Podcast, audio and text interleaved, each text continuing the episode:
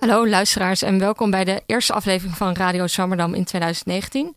Aan mij de eer om samen met mijn co-presentator Emma van Venen uh, het jaar af te trappen.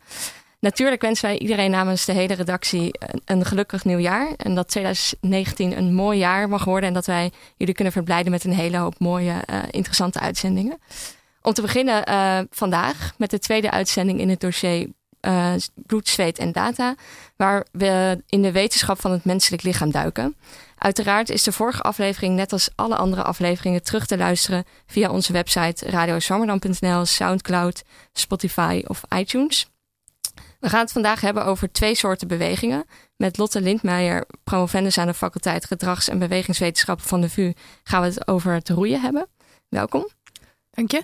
En met Sjoerd Bruin, ook onderzoeker bij uh, bewegingswetenschappen, gaan we het hebben over het lopen. Ook welkom. Dankjewel. Uh, en de eerste column van dit jaar wordt voorgedragen door Milan Teunissen van Manen. Goedemorgen. Goedemorgen. En ik heb even zitten twijfelen of ik deze vraag uh, ga stellen, maar ik ga het cliché er gewoon ingooien. Wat zijn jullie goede voornemens van dit jaar? Emma, we beginnen met jou. Nou, ik ga denk ik toch heel klassiek, maar weer eens naar de sportschool. Mooi. Heb je al een uh, goedkoop abonnementje? Ja, gewoon nog zo'n studentenabonnement. Ja, precies. Ja, dat scheelt echt heel veel. Ja. En uh, Milan? Nou, ik heb dus al een abonnementje aangeschaft. Um, en vlak voor uh, dit weekend. Um, dus daar ben ik ook al aan begonnen. En mijn grootste voornemen is natuurlijk mijn promotiescriptie inleveren dit jaar. Daar heb ik nog twaalf maanden voor, maar dat, de klok tikt. Dus ik ben benieuwd. En uh, Lotte, wat is jouw goede voornemen? Ja, ik gooi het over een andere boeg dan sporten. Ik doe al te veel aan beweging. uh, mijn vriend en ik die lezen heel weinig. Dus we hebben bedacht dat we uh, één keer in de week op een vast tijdstip een uur een boek moeten lezen in plaats van iets anders. In de hoop dat we dan zeg maar, elkaar stimuleren om verder te lezen. Oh. En heb je je eerste boek al klaar liggen? Of? Nou, ik moet zeggen dat het eerste uurtje al is ingenomen door mijn PhD af te maken. ja. Maar er ligt een boek klaar. Ja, ik moet even nadenken titel is me even ontschoten, maar er ligt een boek klaar. Oké, okay.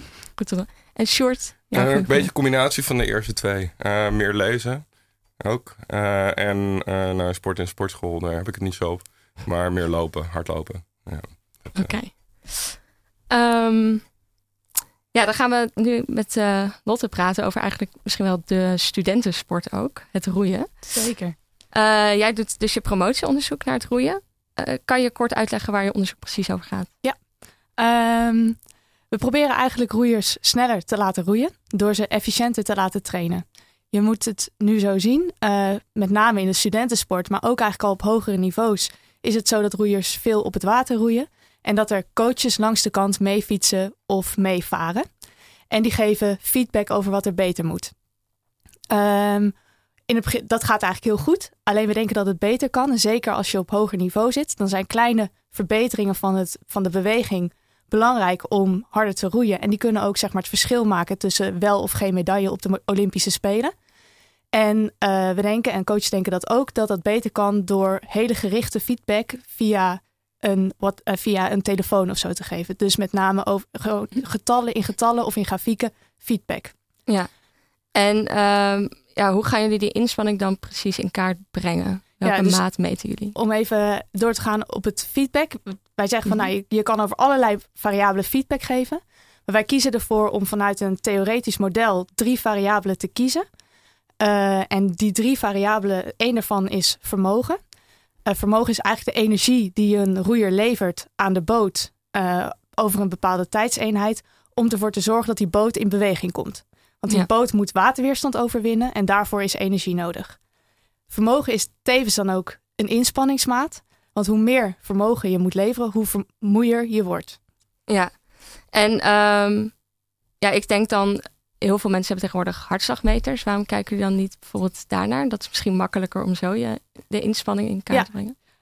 Um, nou, hartslag is ook een hele belangrijke maat voor inspanning. Alleen het verschil tussen vermogen en hartslag is uh, dat hartslag is eigenlijk het effect van de intensiteit of van het vermogen wat een roeier levert op zijn fysieke gestel. Dus dat betekent dat op het moment dat uh, je hartslag gaat meten, dan meet je dat effect. Maar dat effect kan ook beïnvloed worden door hoe moe een roeier is, hoeveel die geslapen heeft, hoe, uh, hoeveel koffie die roeier heeft gedronken of hoeveel stress die heeft. Dus als je puur en alleen de intensiteit van de training wil meten, zeggen wij, dan moet je juist dat vermogen, die energie gaan berekenen. En, en ik denk de beste manier om te trainen en om te weten wat die inspanning is van een roeier, is om zowel vermogen als hartslag te bepalen en mee te nemen. Ga je met een soort van meer vermogen ook automatisch altijd harder? Of... Goeie vraag. Ehm, op een ergometer wel. Dus dat is zo'n uh, roeimachine bij de sportschool, die jij zo meteen tegen gaat komen met je nieuwe abonnement. Ja, ik ken hem, ik ken hem. um, op het water in principe ook, alleen ligt het een klein beetje anders. Uh, nu wordt het een klein beetje technischer. Want een groot deel van het vermogen wat je levert gaat inderdaad zitten in dat waterweerstand overwinnen en snelheid creëren, dat die boot snelheid krijgt. Maar uh, er zitten twee aspecten aan roeien die het wat lastiger maken. Namelijk dat de roeier heen en weer beweegt in de boot.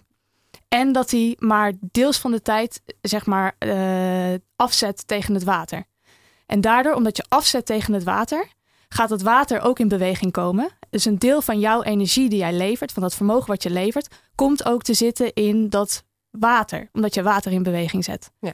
Een ander klein deeltje is omdat jij heen en weer beweegt, gaat die boot niet met een constante snelheid, maar met snelheidsfluctuaties. En omdat vermogen tot de macht 3 gerelateerd is aan snelheid, kost dat ook meer energie dan wanneer je met een constante snelheid zou varen. Dus nee, niet al het vermogen van een roeier gaat direct in snelheid zitten. Maar je zou wel kunnen zeggen dat als je soort van meer als roeier meer vermogen soort van produceert, dat je dan waarschijnlijk wel harder gaat. Als je dat met z'n allen in een roeiboot. Ja, laten we zeggen, zeg maar, de, het is wel zeg maar zo dat sterkere roeiers, dus die meer vermogen kunnen leveren, harder kunnen roeien.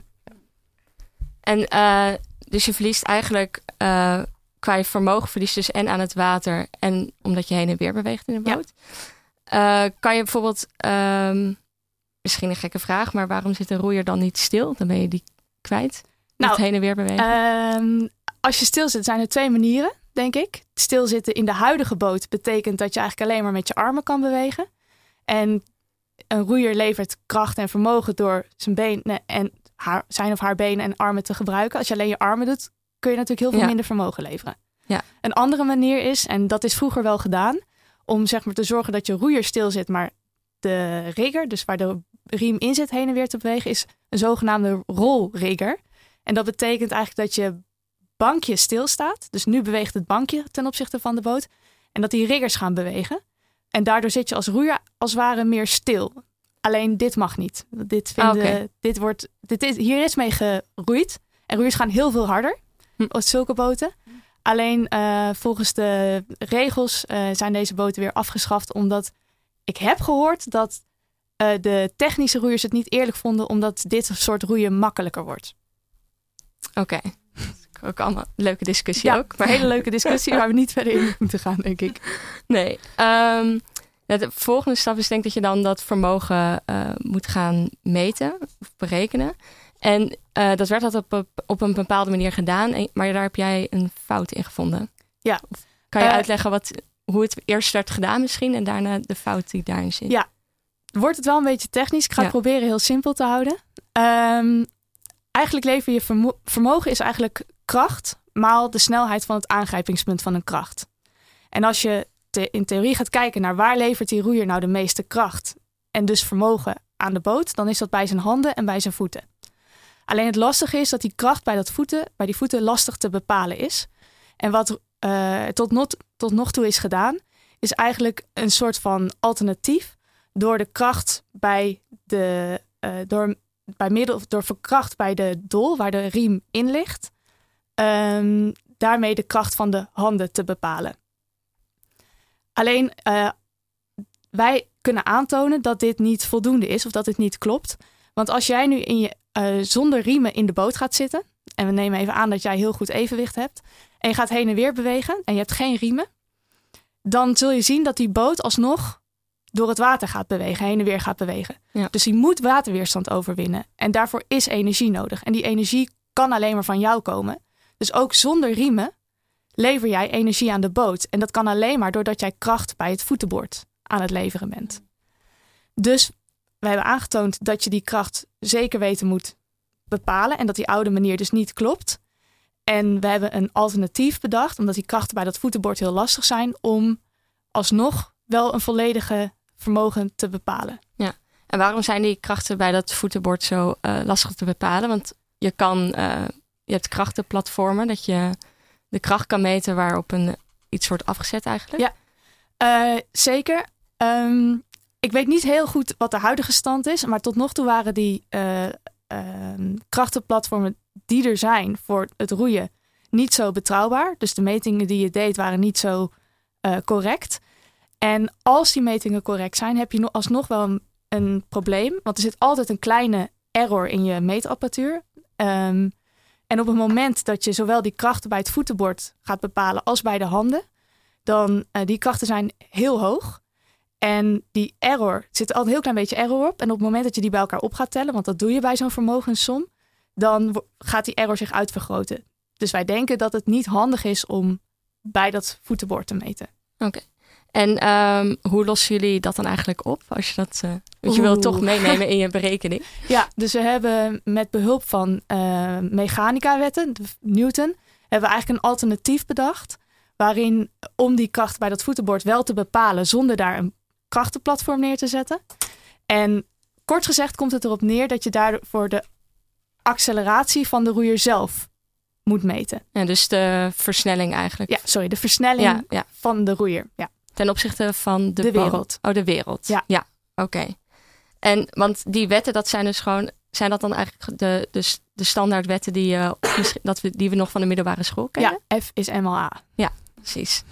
Ehm, dus je moet die versnelling eh, meten. Kan dat gewoon met een, dan een versnellingsmeter op de boot? Of is Ja, dat met ook... versnellingsmeter op de boot kan je de versnelling van de boot meten. Mhm. En met, een, met allerlei versnellingssensoren op eh, de bodysegmenten van een roeier, dus op de handen, de benen, de voeten, de armen, kun je de versnelling van de roeier bepalen. En waarom eh, zoveel? Want kan je niet, kan je niet gewoon één eh, versnellingsmeter op de roeier zetten? Dat zou kunnen, behalve dat we niet weten waar eigenlijk, want je moet het versnelling van de zogenaamde center of mass van een roeier weten, dus het middelpunt van waar alle massa van de roeier samenkomt. En het lastige is in het roeien zijn twee dingen. Je weet niet zo goed waar dat center of mass is. Wat je wel weet, is dat die center of mass ergens buiten het lichaam is. Dus voor, ergens voor de romp van een roeier. Maar waar precies weten we niet. Dus we kunnen ook niet daar een sensor plaatsen. Ja, oké. Want dus je moet die eigenlijk een beetje schatten met behulp van al die... Ja, dus je, schat, dus je gaat door alle acceleraties van de eh, segmenten van een roeier. Kun jij berekenen waar, wat de acceleratie van de totale roeier is. Oké, ik eh, volg ieder geval nog. En, hoeveel soort van stickers krijgt iemand dan op zich? Eh, ja, de stickers zijn eh, zogenaamde inertial sensors. En eh, we kunnen dat doen met 13. Dat is nog steeds natuurlijk veel te veel voor in de praktijk. Dus we zijn aan het kijken hoe we dat terug kunnen eh, dingen, zeg maar. En dat, we kunnen het nu denk ik met 2 à 3 sensoren. Oh ja, dus dat gaat al best wel snel eigenlijk. Ja. Zeker. Oké, dus jullie hebben nu eigenlijk een soort van aanvulling op die oude methode Ja. gevonden. Dus, je, dus jullie nemen en de oude methode met de kracht die je met de handen levert en met behulp van al die versnellingssensoren de kracht die op het voetenbord. Ja. Ja. Ja. Oké. Ehm, en wat hebben jullie daar dan uit gevonden? Wat is dan de fout die jullie hoe groot is die Ja. fout die jullie ontdekt hebben? Nou, de fout is best wel groot. We hebben gezien dat op het moment dat je de oude methode gebruikt, dus alleen die handen meeneemt, dat je het vermogen gemiddeld gezien, we hebben dat met 10 eh skiffers, dus roeiers die in een eentje in de boot zitten, hebben dat gemeten, dat je gemiddeld gezien eh, het vermogen met 12,5% onderschat. Dus eh, daar zitten kleine afwijkingen, verschillen in tussen roeiers en tussen verschillende roeicondities. Uh, maar dat gemiddelde zit rond de 12,5 procent. En het wijk, die verschillen zijn niet zo heel klein. Dus je kan zeggen, over het algemeen ges- gesproken, zie je dat op het moment dat je die oude methode gebruikt, dat je uh, het daadwerkelijk geleverde vermogen van die roeier dus met 12,5 procent onderschat. En waarom is dat een probleem? Je zou ook kunnen zeggen, oh ja, dan denkt hij dat hij soort van minder vermogen levert, dus gaat hij nog harder trainen om nog beter te worden. Of, Uh, ja, dat, dat is zo. Um, ik denk zeg maar op het moment dat je wil weten hoeveel vermogen je levert als individu. En dat je daar zeg maar ook, wat gebruik het als trainingsmaat, als intensiteitsmaat, is het, en je weet dat het 12,5% is, dan kun je natuurlijk je getallen waarop je moet trainen daarop aanpassen. Alleen omdat er natuurlijk ook kleine verschillen tussen roeiers zitten, kun je, als jij zeg maar een bepaald vermogen levert en ik lever een bepaald vermogen, kunnen we dat niet echt vergelijken als we die oude methode gebruiken. Omdat we niet zo goed weten wat zeg maar jouw afwijking is en wat mijn precieze afwijking is.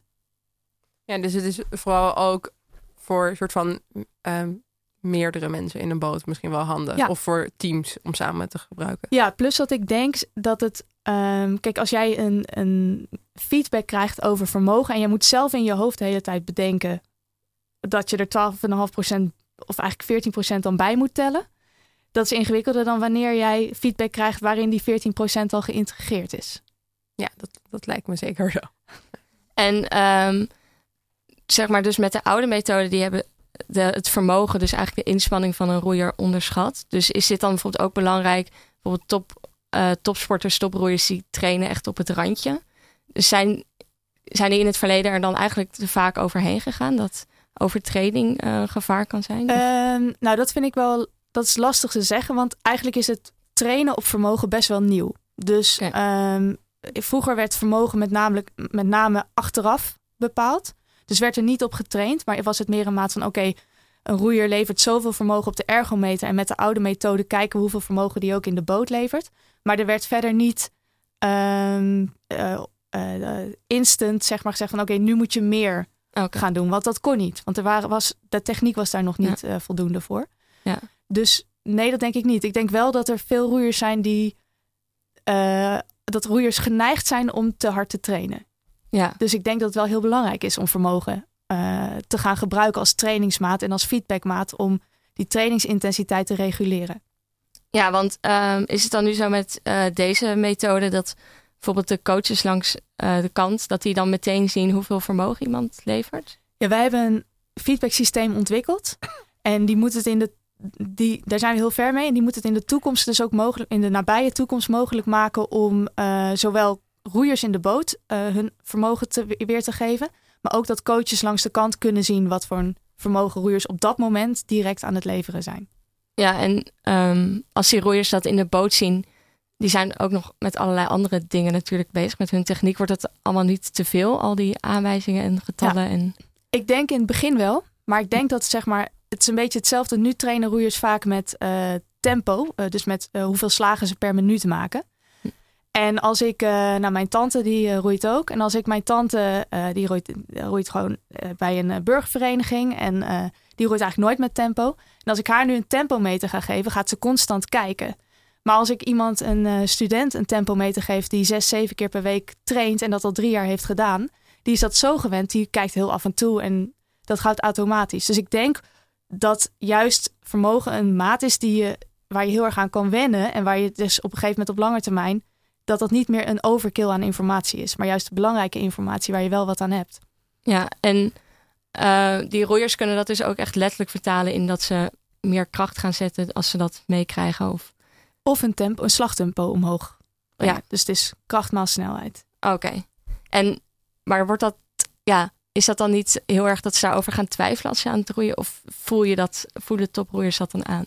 Ik denk dat toproeiers daar al best wel op de ergometer trainen ze eigenlijk ook op vermogen. Dus ik denk Hm. dat ze best wel in staat zijn om dat te pa- bepalen hoe ze dat op een goede manier kunnen doen. En eigenlijk in het fietsen wordt vermogen ook steeds meer gebruikt. En dat kun je ook Ja. op twee manieren kun je je vermogen verhogen door een snel hogere cadans te fietsen of door Ja. eh, meer kracht. En ik denk dat dat per roeier verschilt hoe, ehm, hoe ze dat gaan oplossen. En ehm, nou, dan in de, jij heeft, hebt dan een goede bijdrage aan de Nederlandse roeiers, denk ik. Eh, hoe zit dat dan in de concurrerende landen, zoals Engeland en zo? eh, Ja. Zijn die hier ook mee bezig? Of? Ehm, zij, zij zijn zeker bezig met roeionderzoek. Ehm, en ook wel met het ontwikkelen van feedbacksystemen. Ik weet, volgens mij zijn er niet zoveel me- mensen bezig met dat eh, corrigeren van die vermogenswaardes. Ehm, ze gebruiken met name de oude methode nog. En in eerste instantie is natuurlijk de bedoeling dat onze Nederlandse roeiers daarvan harder gaan roeien. Maar ik publiceer ook artikelen. Dus in uiteindelijk wordt die informatie wel openbaar. Ja, precies. Het is niet dat je het nog even achter de hand... Dat, uh... Uh, nee, niet, nu niet per se, maar ik weet wel dat dat, dat wel gebeurt in hm. sportbreed. Zeg maar sportbreed onderzoek gebeurt dat zeker. Dat er uh, contracten worden afgesproken van je mag zeg maar nu het onderzoek doen en eerst mag dat gebruikt worden voor, in, voor nationaal. En pas over een paar jaar mag dat naar buiten worden gebracht. Dus ik weet ook niet alles wat er gebeurt binnen het roeionderzoek. Um, en zoals we eigenlijk helemaal in het begin van het verhaal zeiden over waar de roeier ook nog vermogen aan verliest. Dat is dus ook uh, het in beweging brengen van water rondom mm -hmm. de roeispaan, ja. riem. Um, wordt, wordt daar ook nog onderzoek naar gedaan hoe je dat misschien kan minimaliseren? Dat daar zo min mogelijk vermogen ja. naartoe gaat? Ja, dus het grootste deel van mijn onderzoek ging over het bepalen van dat geleverde vermogen. Maar een klein deel van het onderzoek, eigenlijk de vervolgstap is, ja, als we dat geleverde vermogen weten, kunnen we dan ook een inschatting maken, zeg maar, hoe, hoe hoeveel er uh, naar die boot gaat en hoeveel naar dat water. En daar hebben ze ook een paar stappen in gemaakt. En dat doen we ook met name in samenwerking met uh, de TU Delft. En zij kijken niet alleen maar naar dat vermogen, maar ook hoe die waterstromen rondom het blad zich bewegen. Zou dat dan ook nog invloed hebben op uh, zeg maar de beweging van de roeier zelf, dat hij dat anders moet gaan doen? Of? Ja, we hopen uiteindelijk dat we ook een feedbackmaat kunnen maken over dat vermogensverlies rondom het water. Okay. Uh, of aan het water. En uh, dat roeiers, dat we daar feedback over kunnen geven. En dat roeiers, zeg maar, een soort van met trial en error dat vermogensverlies kunnen verminderen. En wat moet ik me dan voorstellen dat, um, omdat je het water gaat bewegen, dat je eigenlijk jezelf tegenwerkt? Of kan je ook soort van het water de goede kant op duwen, zodat je eigenlijk dan nog sneller gaat? Uh, nee, ik denk niet dat je dat zo moet zien. Je moet het meer zien van als jij afzet, als jij gaat hardlopen, als jij je afzet tegen de grond, dan beweegt die grond niet. Dus dan verlies je daar geen, daar gaat geen energie naartoe. Dus je verliest geen vermogen aan die grond. Alleen met water, op het moment dat ik tegen water aan ga duwen, gaat dat water ook bewegen. En dat is dat verlies, zeg maar, de, die beweging van dat water komt door jou. Dus ongeacht of je roeit, je moet je afzetten, of uh, hoe je roeit, je moet je afzetten tegen dat water. En die afzet gaat altijd, uh, uh, daarmee gaat altijd energie verloren aan ja. het water. Dus dan zou je eigenlijk zeggen, bijvoorbeeld hoe kleiner je blad, hoe minder. Zo, Bij, dat zijn dingen waar je mee kan gaan spelen, ja. Hoe, hoe, wat moet de vorm van het blad worden? Moet, uh, of uh, hoe groot moet het blad worden? Maar ook hoe moet, op welke hoek moet een roeier zijn blad in het water zetten om zo min mogelijk vermogen te verliezen? Maar hier, hier weten we ook nog niet zoveel over. Ja, ik weet wel dat je altijd uh, dat ik. Ik heb wel eens meegeroeid op familiedag of zo bij, mm -hmm. de, bij de roeivereniging van mijn zusje. En dat je dan, als je het mooi deed, kreeg je van die draaikolkjes in het ja. water.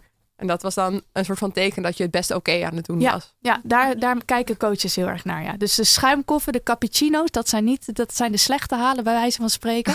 en de mooie zwarte kolken zijn de goede halen. Dat is nu het idee. Uh, oh ja, maar dan, dan valt er nog wel iets binnen te de praktijk. Doen. Zeker. Als, je, als, als, dit het onderscheid is wat we kunnen maken. Ja, ja. ja dat kan nog wel wat specifieker inderdaad.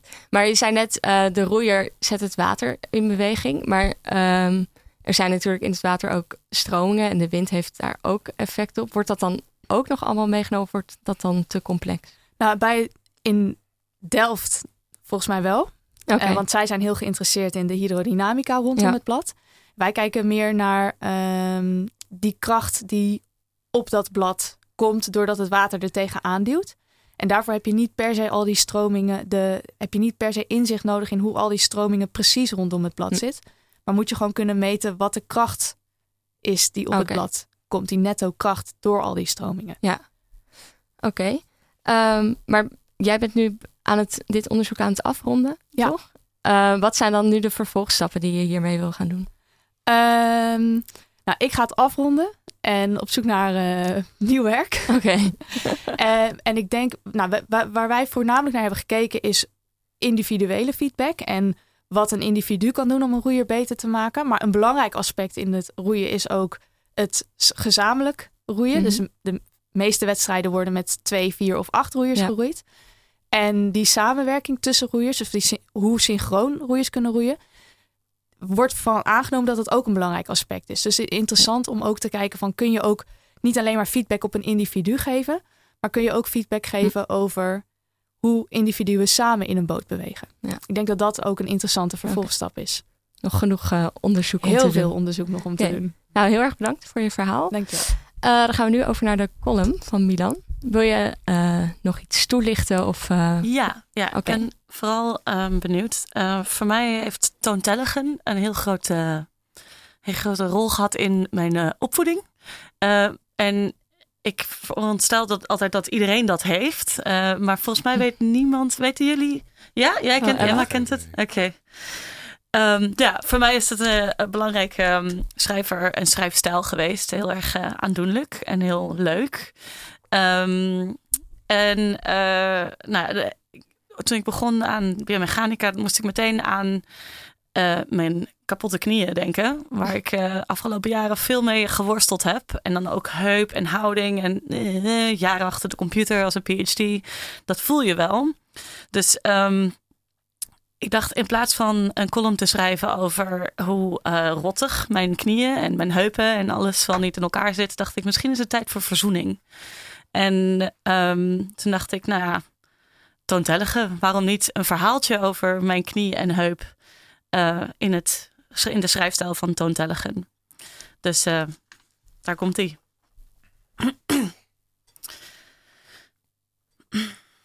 Het was een frisse dag in januari. De kou drong diep het lijf in. Knie en heup nestelden zich wat dieper tussen de spieren, die lekker aan het opwarmen waren van de wandeling. Auw, riep de knie opeens. Oei, wat is er? vroeg de heup bezorgd van boven de femur. Ik weet niet, ik voelde opeens heel veel pijn. Het was even stil. Stil. De knie bewoog een aantal keer, alsof hij de pijn van zich af kon schudden. Na een poosje stamelde de knie. Ik, ik, ik denk dat ik er doorheen ben gegaan. Er doorheen gegaan? Waar doorheen? Ben je buiten? De heup vond het bijzonder klinken. Hoe zou dat zijn? Buiten. Even verzonk de heup in gedachten van vrijheid en zonneschijn. Hij dacht aan hoe fijn het zou zijn om niet meer krap tussen de femuren en de ruggengraat te zitten. Hoe zou het zijn om niet meer al dat gewicht te moeten dragen? Hij had gehoord van de huid dat het best wel mooi was buiten. Maar dan zou er ook geen warme spieren meer zijn. En geen femuren meer om op te zitten. En geen knie. De heup rilde. Nee, dat leek de heup maar niets. Even werd hij angstig. Knie? Ben je er nog? Ja, heup, ik ben er nog. De avond viel en de wandeling was voorbij. Rozig van de frisse beweging kwamen de heup en de knie tot rust in een comfortabele stoel. De poes kwam op schoot liggen en heup en knie voelden de diepe trillingen van haar gespin door de spieren ritmisch zoomen. Gaat het weer een beetje knie? vroeg de heup na een tijdje. Ja, het gaat weer goed. Het begon zachtjes te regenen buiten en de heup en de knie doezelden dankbaar in slaap. Heel mooi. Schattig, hè? Ja, heel, ja, ik ga heel anders naar mijn tijdjes ook eh, kijken. Het wordt minder heftig ook op een of andere Een manier. andere relatie Ja. aannemen met de onderdelen die je toch heel veel faciliteren om het Ja. dagelijks leven. Ja. En nog één keer de, de schrijver. Toontelligen. Misschien een eh, interessant voor je Echt goede fantastische- voornemen, ja, Lotte. Ja, zeker. echt Ja, heel leuk. Hij is van de dieren, toch? Ja, heel veel van de Ja. dieren. Ja. Dus normaal gaat het over mier en eekhoorn. En eh, allerlei andere dieren. Maar eh, ja, dat zijn allemaal van dit soort soms hele diepe onderwerpen. Worden dan ook heel, heel leuk. En eh, ja, Ja, ik ga hem op mijn lijstje zetten. ik kan hem aanraden. Ja, het wordt inderdaad ook minder beladen of zo. eh, Ja. De pijn. En, En ik dacht eh, ook koud, januari, een beetje warmte. Ja, een beetje, precies. Ja. Past allemaal wel een beetje in de tijd. Het nieuwjaar. Nou, heel mooi. Heel erg bedankt voor je column. Dankjewel. Eh, dan gaan we nu door over de volgende beweging die we in deze uitzending eh, gaan bespreken. Het lopen.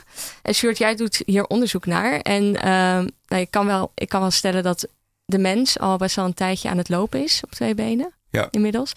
Ehm, valt er dan eigenlijk nog wel onderzoek naar te doen? Want Ja, dat is een er goede niet, vraag, eh, hè? Ik alles krijg, ik die bekend, vraag best wel veel. denk- Dat mensen denken van ja, maar dat is toch, dat weet iedereen wel. Ehm, maar eigenlijk eh, weten we er heel weinig van. En dat is eh, raar, want het is zo'n alledaagse beweging. Eh, maar je ziet het ook wel als je kijkt naar bijvoorbeeld eh, de staat van robots. Als je kijkt naar films uit de jaren tachtig of zo. Daar waren robots redelijk domme wezens eh, die wel goed konden bewegen. Ik kijk dan even naar Star Trek. Eh, C-3PO bijvoorbeeld, die, die liep vrolijk door de ruimte heen. En zo zijn er meer films. Maar de robots zijn over het algemeen redelijk dom, maar ze kunnen goed bewegen. En eigenlijk wat je nu ziet, is dat we artificial intelligence hebben die redelijk slim is. Uh, maar met een uitzondering daar gelaten. Uh, Boston Dynamics is denk ik een van de weinige bedrijven die echt succesvol is erin. Er zijn robots qua beweging echt niet wat wij twintig jaar geleden gedachten. Of dertig jaar geleden is dat inmiddels. Um, dus, dus ja, dus we begrijpen van die bewegingen toch nog heel weinig. En, en dat vind ik fascinerend, omdat het iets is wat we elke dag doen. Um, en het, ja, het wordt nu ook uh, heel erg relevant, omdat we verouderende uh, populatie. Dus ja, wat je ziet, oudere mensen gaan vallen. Ik heb een oma die zelf uh, vijf jaar geleden gevallen is. Tot toen toe woonde ze zelfstandig. En inmiddels ja, niet meer. Zit in een rolstoel sinds toen eigenlijk. De kwaliteit van leven is drastisch achteruit gegaan. Ja. Dus, ja. dus je bedoelt dat zeg maar, in, in die films dachten we, zeg maar, stopten we gewoon een mens in een robotkostuum en dan kon die heel mooi lopen en dachten we dat het er allemaal uitziet. Maar nu we het gewoon willen programmeren in een echt iets wat geheel mechanisch is, lukt het eigenlijk niet omdat we niet zo goed weten hoe, hoe ja, precies. dus we begrijpen, we begrijpen er, je erin moet zetten. Ja, precies. We begrijpen niet hoe die sturing werkt. En er zijn een, uh, Japanners, die zijn de eerste. Uh, mensen kennen misschien wel de Honda-robot, de Asimo. Dat zijn de eerste robots die echt gingen lopen op twee benen. Als je daarnaar kijkt, die, dat ziet er absoluut niet menselijk uit. Dat is de eerste echte robot, niet een filmrobot. En het interessante daarvan is dat zij probeerden eigenlijk die robot op elk moment volledig gecontroleerd te hebben. En we weten eigenlijk ook al sinds een tijdje, ik denk tegelijkertijd met dat die robots ontwikkeld werden, dat dat niet is wat mensen doen. Uh, dus mensen die laten zichzelf voor een groot deel gewoon vallen en vangen zichzelf dan op. Hm. Um, dus dat is een beetje nu zeg maar uh, de theorie. Dus als je nu zeg maar antwoord zou moeten geven op de vraag hoe is het mogelijk dat wij op twee benen kunnen lopen, is dat dan soort van passief vallen en. Nou, niet helemaal passief, want dat zou natuurlijk niet goed gaan. Uh, maar het is, een, dit, het is lastig omdat, zeg maar, um, als ik dat. Elke beschrijving die je ervoor gebruikt, denk ik dat je te veel nadruk legt op het een of het ander. Hm. Maar hoe ik het nu op dit moment zie, is dat er een groot deel passief is, waar je de mechanica eigenlijk zijn gang laat gaan. Uh, en dat je dat een beetje bijstuurt. Want als je kijkt naar robots waar de sturing volledig is, bijvoorbeeld die Asimo, uh, die heeft volledige sturing, dan kom je ook weer, dan komen we terug op het onderwerp van Lotte, energieverbruik. Uh, die hebben een energieverbruik wat ongeveer 200 keer dat van mensen is. Hm. Dus het, het kan niet zo zijn dat wij continu alles besturen wat, wat je aan het doen bent. Het kan ook om een andere reden niet, namelijk die robots die hebben uh, hun sensorische informatie loopt via koperen kabeltjes, hè, gewoon draadjes. Uh, en daar, de, die snelheid van die informatie, die is vele malen sneller dan dat bij mensen gaat. Dus de, de delays die je hebt bij het controleren van een mens, die, die is vele malen hoger. Dus het, je, je loopt sowieso eigenlijk per definitie al een tijd achter door de delay die, die je hebt, door de, door de traagheid van je zenuwstelsel. Ja, maar tegelijkertijd is het dan ook wel weer bijzonder dat wij best wel veel dingen kunnen doen tijdens het lopen. Ja, ja. We hoeven niet heel erg actief bezig. We doen het gewoon. Ja, we doen het gewoon. Maar het is wel bekend bijvoorbeeld ook dat als jij uh, uh, gaat nadenken tijdens dat je aan het lopen bent. Dat is ook een, een bekende klinische test. Uh, nadenken tijdens, tijdens lopen, dan ga je langzamer lopen. En dat is een bekende klinische test. Die wordt gebruikt om te kijken hoe goed mensen nog zijn eigenlijk. Hoe, hun mentale capaciteit. Dan laat je mensen lopen en dan doe je een gesprekje met ze. En dan kijk je of ze vertragen. En er zijn mensen die dan helemaal stil gaan staan. En je kent het zelf vast ook wel van dat je aan de telefoon bent met iemand, je loopt ergens heen en er wordt een ingewikkelde vraag aan je gesteld. Dan ga je ook even stilstaan. Oh ja, ja. Het is denk ik, ja. Dus er is, en er we vinden steeds meer bewijs dat het lopen, ja, het is heel simpel. Maar we hebben zeker ook nog wel eh, redelijk wat van onze capaciteiten ervoor nodig om dat te kunnen. Oké. Dus we doen het niet helemaal. Uh, het gaat niet helemaal automatisch. We zijn, niet, we zijn geen kippen. Nee. Uh, waarbij je het kop eraf kan halen en, en, en, je toch, en, die toch doorlopen. Ja. um, want jij doet uh, ook onderzoek naar de stabiliteit van het lopen. Ja. Um, maar je zei net dat lopen voor een deel dus uh, passief is. Dus dat je soort van... Ja. Bij kleine kinderen zie je dat bijvoorbeeld ook heel erg nog... Die, dat ze soort naar voren vallen en de ja, tijd precies. dat je denkt... oh, gaat het goed? Ja. Um, maar wat als we dus de hele tijd vallen... eigenlijk ben je dan de hele tijd instabiel. Dus uh, ja. Hoe definieer jij dan stabiliteit? Ja, dat is een hele goede vraag. Dat is denk ik uh, de, de, de, vraag waar ik het meeste met mijn collega's over bakkelei. um, en uh, ik, ik heb eigenlijk een vrij simpele definitie. die werkbaar is, maar ook misschien we- wellicht te simpel. Voor mij is een stabiel looppatroon is een looppatroon waarbij je niet valt. Nou, eh, dat is, klinkt heel logisch.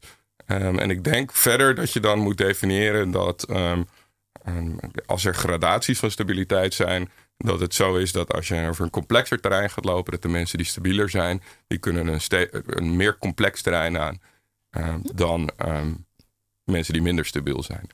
Oké, en is dan niet vallen, is dan bijvoorbeeld struikelen nog steeds stabiel? Dus dat je wel, dat je nog op kan vangen? Ja, dat is een hele goede. dat is- Dus nou, nou, nou, nou gaan we meteen in mijn, eh, in mijn 1, 2, 3'tje. Ehm, want ik denk dus dat stabiliteit van lopen eigenlijk niet één ding is. Ik denk dat daar ehm, één, twee of, nee, twee of drie dingen zijn.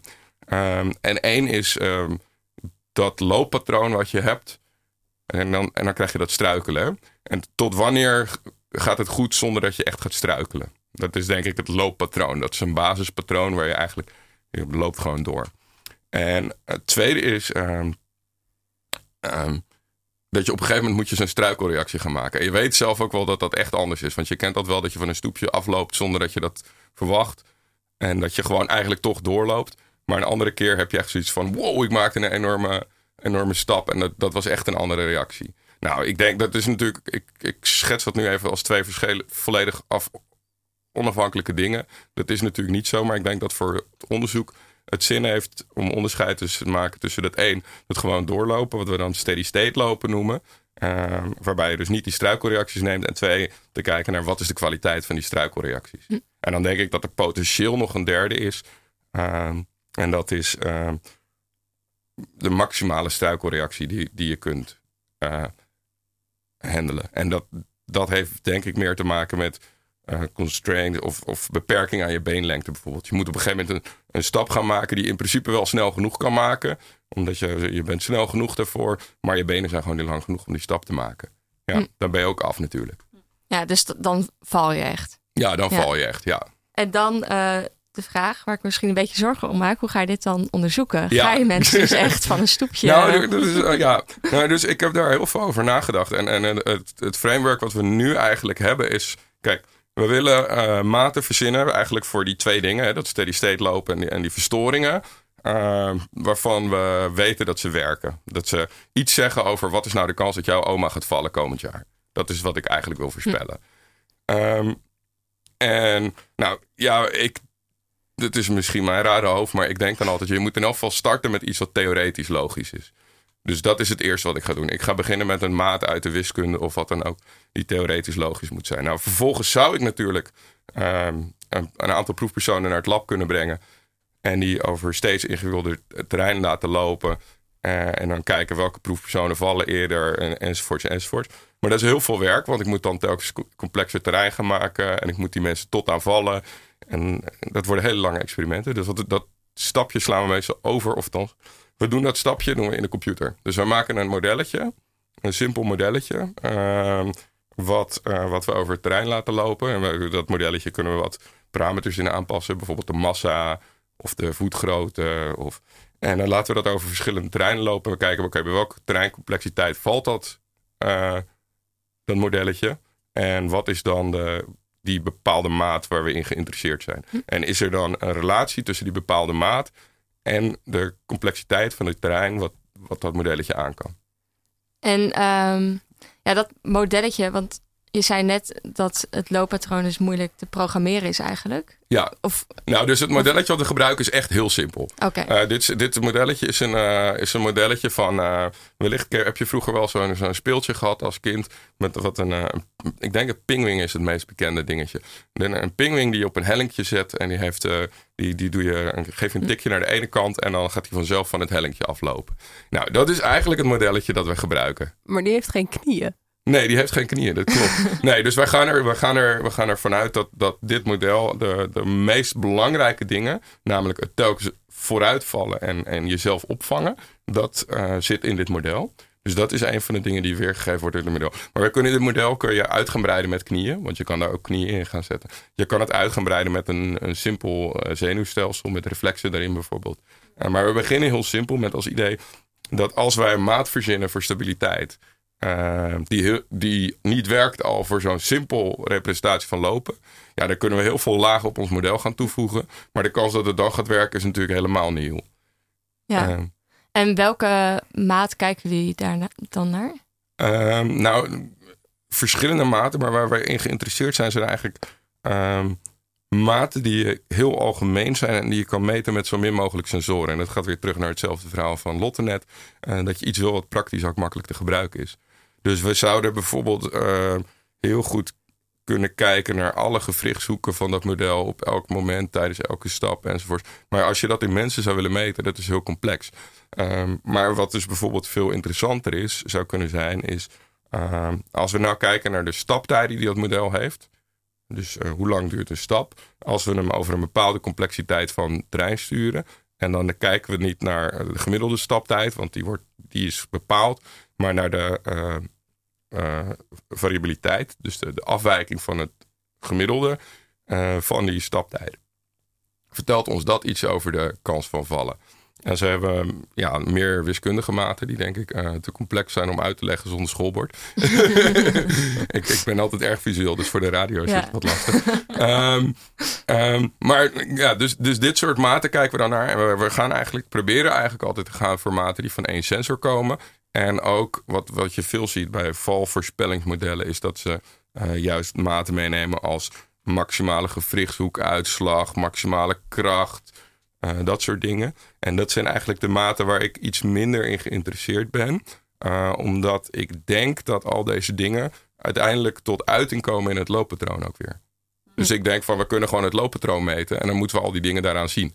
Ja, En als ze niet tot uiting komen in het looppatroon, dan denk ik dat ze waarschijnlijk ook niet van belang zijn voor de kans dat iemand gaat vallen. ja. Dus als je eigenlijk de, de staptijd, dus dat is bijvoorbeeld van je rechterbeen, hoe lang die van voor naar achter gaat. Ja, bijvoorbeeld, ja. Ja, dat is natuurlijk, kan je zelf een punt in de tijd kiezen. Ja, Ehm, maar dat is een soort van de, de kern waar je dan eh, alle andere dingen misschien ook uit zou kunnen halen. Of ga ik dan te ver? nou, het, het- dat, het, het wordt iets ingewikkelder, want we kijken dus ook naar bewegingen van ehm, eh, het center of mass, dus het, het, het lichaamszwaartepunt. ja, dus waar Lot het net over Waar. Lot het Ja. net ook weer over had, inderdaad. Dus waar bevindt eigenlijk, als, je, als we jouw lichaam als één punt beschrijven, hoe zijn die bewegingen van het center of mass? En als we daar nou eh, naar kijken, kunnen we naar de, bijvoorbeeld de, ehm, de complexiteit van die bewegingen van het center of mass kijken. Eh, kunnen we daar, of, of wiskundige stabiliteitsmaten daarop loslaten uit eh, dynamische systementheorie, chaos. Kunnen we daar dan mee iets zeggen over de stabiliteit van lopen? Oké, en ehm, wat is er, kan, kan je al iets zeggen over wat het maakt dat mensen vallen? Of wat, er, wat de goede voorspellers daarvoor zijn? Ehm, nou, dus we, hebben wel dus, dus ehm, eh, collega's eh, bij ons aan de faculteit eh, die enkele jaren geleden gepromoveerd zijn. Kim van Schoten en Sietse Rispes. Die hebben dit soort valvoorspellingsmodellen gemaakt. En die konden eerst met, op basis van alleen klinische modellen ehm, met ongeveer 50%, 60% zekerheid. Dus met alleen maten, met vragenlijsten, konden ze met 60% zekerheid voorspellen van nou die personen gaan vallen en die niet. Dat is natuurlijk niet heel veel. Dat is een 350 personen. Dus dat is een beetje alsof je een. maar hoe bedoel je vragenlijst? Wat, nee, soort vragenlijst met eh, hoe voelt u zich? Eh, bent u bang om de trap op te lopen? Eh, dat soort ja, verschillende vragenlijsten. En dan bij ouderen of ook bij ja, dit gaat over 350 eh, oudere mensen die gewoon wel zelfstandig leefden. Ja. Eh, en die mensen hebben ze doen- toen een week lang een sensor omgedaan. Eh, Zo'n inertial measurement unit, waar Lotte het ook over had. Die hebben ze een week lang gedragen. En die zit gewoon eigenlijk in de, bijna in de riem verborgen. Ehm, en toen hebben ze gekeken van nou kunnen we daar dan beter mee voorspellen. En met allemaal, nou, met een boel wiskundige maten. Onder andere dus die dingen die wij in ons onderzoek eerst op die modellen getest hebben. eh, komen ze tot voorspellingen in de buurt van de 80%. En dus dat is aanzienlijk beter. Ja, dus nog geen- nog geen 100%. Eh, ik denk ook niet dat je op 100% kan komen overigens. Want dat vallen, ja, er zijn ook mensen die vallen omdat ze over een hond struikelen. Ja, ja, het is ook dat- heel erg. Dat is omgevings, eh, omgevingsfactoren waar je eigenlijk heel weinig mee kan dan. En ehm, met die voorspellers, zou, dan is misschien het ultieme doel om het te voorkomen of te of minder vaak te laten voorkomen? Het vallen bij ouderen misschien? Ja, dus, dus je kan natuurlijk verschillende kanten op met dat voorspellen. Want als je het alleen kan voorspellen, dan heb je daar in principe niks aan. Hè? Je hebt niks aan een diagnose als je geen behandeling hebt.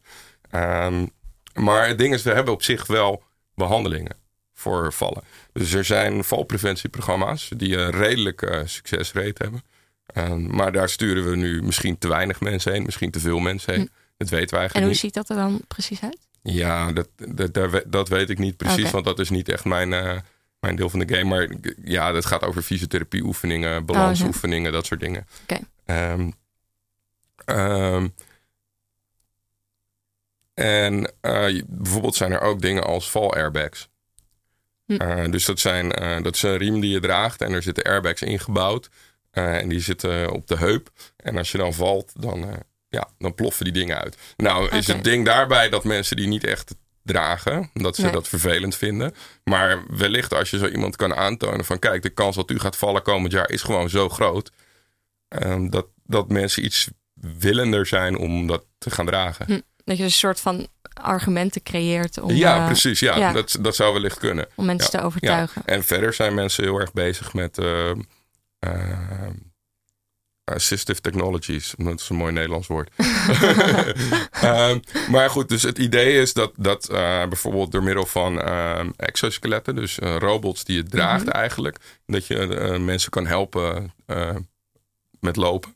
Ja. Ehm, en dat je dan ook daarmee vallen kan voorkomen. En je wil, dat zijn natuurlijk enorm dure dingen, dat kan je je wel gewoon voorstellen. Dus die zou je ook niet willen gebruiken voor iedereen. Ja, want een exoskelet, volgens mij in de vorige uitzending is dat ook eh, teruggekomen. Dat is een soort van robotpak om je benen heen. Ja, Toch? om je Dat been of om je rug soort- of om je armen. Er zijn verschillende Ja. vormen. Ja. En, Ja. en er zijn nu, het eerste onderzoek heb ik gezien... waar mensen daarbij echt gaan denken over belan- eh, eh, stabiliteitsvraagstukken. Ja. Ja, want bijvoorbeeld, ja, dat, want dat is inderdaad weer lastig als je het dus weer wil toepassen op die robots. Want zover zijn we. Dus dan zijn we eigenlijk weer terug bij het begin. Ja, dus Ja. Dan, de- als je dat dus wil gaan doen... maar als je robots wil gaan gebruiken om mensen stabieler te laten lopen... dan moet je wel eerst weten hoe je de robots moet aansturen... om, om mensen stabieler Ja. te laten lopen. En ik, maar ik denk wel, dus ik heb daar in het begin misschien iets te weinig rooskleurig over gedaan... Ik moet nu iets positiever over doen. Ik denk dat we de laatste paar jaar wel echt eh, aanzienlijke inzichten hebben vergaard over hoe dat zou moeten. Ehm, en wij zijn zelf ook wel bezig met eh, diverse ideeën eh, rondgespeeld over hoe we mensen stabieler zouden kunnen laten lopen. Ehm, door, want we zeiden, ik zei al van, nou, het is eigenlijk die voetplaatsing die cruciaal is. Je, je laat je een soort van vallen en dan zet je je voet weer op de juiste plek neer. En er is nu eh, onderzoek geweest eh, van collega's in Amerika. En die, die hebben dat heel netjes uitgedokterd, hoe dat dan precies werkt. Wij zijn daarmee aan de gang gegaan. We hebben gezien dat dat inderdaad waarschijnlijk zo is. We vinden in de mate die zij hebben verstoringen in diverse eh, mensen na een hersenbloeding, mensen, na Parki- mensen met Parkinson, vinden we afwijking daarin. En dat zijn allemaal in de lijn der verwachtingen. Eh, dus we denken dat we een, een voorspelling kunnen maken van waar mensen hun voet plaatsen. Hm. Eh, en we zouden moeten plaatsen. En als je dat natuurlijk kan, ja, dan ben je een heel stuk verder. Want dan kan je ook eh, bijvoorbeeld eh, die exoskeletten gaan bouwen die mensen helpen om hun voet daar te plaatsen. Ik wil eigenlijk heel graag weten of het nou uitmaakt hoe groot je voet is. Want als dat een van de variabelen is die je aan kan passen, zouden we dan mensen niet gewoon als grotere voeten zou helpen? Zouden we dan mensen gewoon grotere scho- schoenen, verzwaarde schoenen kunnen geven? Dat ze dan minder snel vallen. Dit is een hele, is een heel, eh, hele goede vraag. Ehm, nou, één, als je grote schoenen of zwaarde schoenen zou geven, dan gaan de energiekosten van het lopen gaan enorm omhoog. Dus dat is een slecht idee daarom. Twee, ehm, tijdens lopen, kijk, ehm, eh, gaat het eigenlijk erom dat je dus je, je, eh, je steunpunten op de juiste plek weer neerzetten. En met het maken van een stap kan je steunpunt natuurlijk veel meer vergroten dan dat je het kan met het eh, verlengen van je voetmaat. Ehm, tenzij je natuurlijk echt enorme voeten hebt en tenzij je enorm schuifelpatroon hebt. Hè, bijvoorbeeld ehm, mensen met Parkinson die lopen wel met, of, of eh, ouderen, ik zie wel mensen lopen die lopen met enorme schuifelpatronen. En daarbij zou je denken dat ja, dat, dat stapje is zo klein dat ze een stap eigenlijk niet meer vergroten dan dat hun voet groot is. Ehm, dus da- daar zou het wellicht voor kunnen werken. Maar ik denk, ik denk toch niet dat het zo'n heel goed idee is. Maar kan je wel zeggen dat mensen met grotere voeten stabieler, een stabieler looppatroon hebben? Of is dat, maakt die eigenlijk de schoenmaat echt helemaal niet uit? Dat zou ik zo niet durven zeggen. Ik zou het wel interessant vinden om daar dus uh, met een uh, grote bak data, we hebben inmiddels redelijk wat data van verschillende experimenten vergaard, om daar retrospectief naar te kijken. Ik denk alleen niet dat schoenmaat een van de variabelen is die wij normaal uh, meenemen. Ja. Uh, dit is niet een, ja, we, normaal doen we lengte en gewicht, leeftijd. En dat zijn de variabelen die we meenemen. Maar je zou natuurlijk naar lengte kunnen kijken, want over het algemeen is schoenmaat redelijk gecorreleerd met lengte. Ja, en misschien. Oh, sorry, Milan. Nou, um, je noemde net leeftijd als een van de categorieën ook. En ik dacht mal, is dit, dit onderzoek is vooral gefocust op ouderen? Of wat is de variatie in de uh, Nou, ik doe eigenlijk mijn meeste onderzoek gewoon bij uh, gezonde jongeren. Uh, omdat ik gewoon geïnteresseerd ben in hoe mensen lopen. En mijn idee is van, nou ja, als we het bij gezonde jongeren snappen, dan snappen we ook wel wat er, als er iets misgaat, kunnen we dat beter snappen. Mhm. Het probleem is ook als je met ouderen of patiëntenpopulaties gaat werken, um, dat je gebruikt dat dan vaak als model voor het feit dat er iets mis is. Um, maar je, je, weet niet wat er mis is. Uh, en het kan ook goed zijn dat hetgene wat je ziet niet is wat er mis is, maar dat het een compensatie is voor wat er mis is. Uh, dus je weet eigenlijk dan nooit, of althans vaak is het probleem van... zit ik nou te kijken naar het, hetgene wat er mis is of kapot is... of hoe je dat wil noemen... of zit ik te kijken naar de adaptatie daaraan. Uh, en, en dat vind ik... daarom heb ik het liefste onderzoek met gewoon gezonde uh, jongere mensen. Ook omdat de toegang tot die populatie makkelijker is als je op een universiteit zit. En er lopen altijd studenten rond. Um, en dan kan ik experimenteel, kan ik vervolgens gaan zeggen, nou, ik ga nu zorgen dat jouw evenwichtsorgaan het niet goed doet. Uh, in plaats van dat ik patiënten ga pakken waarvan ik, ja, die misschien het evenwichtsorgaan niet goed hebben, maar de ogen ook niet goed. Of, ja. Het evenwichtsorgaan dat het niet goed doet, hoe, ja. hoe krijg je dat voor elkaar? Uh, er zijn verschillende manieren voor, maar de meest uh, spectaculaire is wel uh, galvanisch vestibulaire stimulatie. En dan plak ik twee stickers achter jouw oren en daar laat ik een stroompje doorlopen. En dat beïnvloedt jouw evenwichtsorgaan. En dan voel je je eigenlijk uh, als ik een stroompje. Dus je, je, krijgt het idee dat je gaat draaien. En het, het voelt echt alsof je, nou ja, qua gevoel van draaierigheid, alsof je echt heel veel bier op hebt. Oké.